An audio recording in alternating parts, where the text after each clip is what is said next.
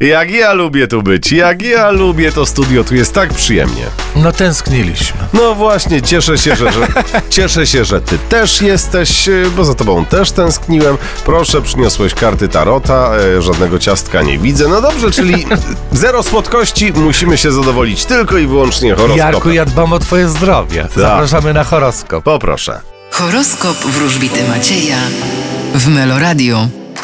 Baran, Będziecie zdobywać jakąś wiedzę, której nie poznają inni. byk, Wy będziecie bardzo czynni i aktywni na polu zawodowym. bliźnięta, Wy będziecie wracać do swojej przeszłości. rak, Uważajcie na wydatki i dysponowanie pieniędzmi. lew, Y, powinniście spowolnić swoje działania. panna, Wy będziecie odchodzić od tego, co było i zmieniać kierunek waszego życia. waga, Postawicie na romanse i flirty.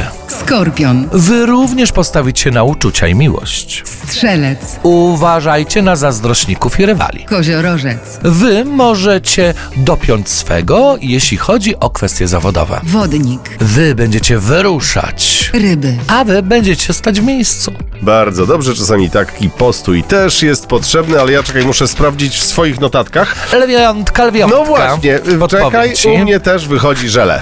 Tak.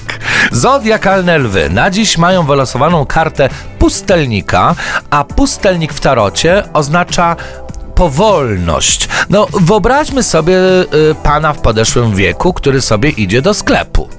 No to idzie on wolniej niż taki dwudziestolatek. No i dlatego też właśnie na karcie pustelnika zawsze jest pokazany starszy pan, który symbolizuje dojrzałość, mądrość życiową, y, powolność, roztropność. No w każdym razie zodiakalne lwy powinny sugerować się tymi cechami wspomnianymi przeze mnie ym, przez najbliższą dobę. Czyli zero pośpiechu. Zero pośpiechu. Moja mama świętej pamięci mówiła powoli, powoli, a do celu. No i właśnie o to chodzi.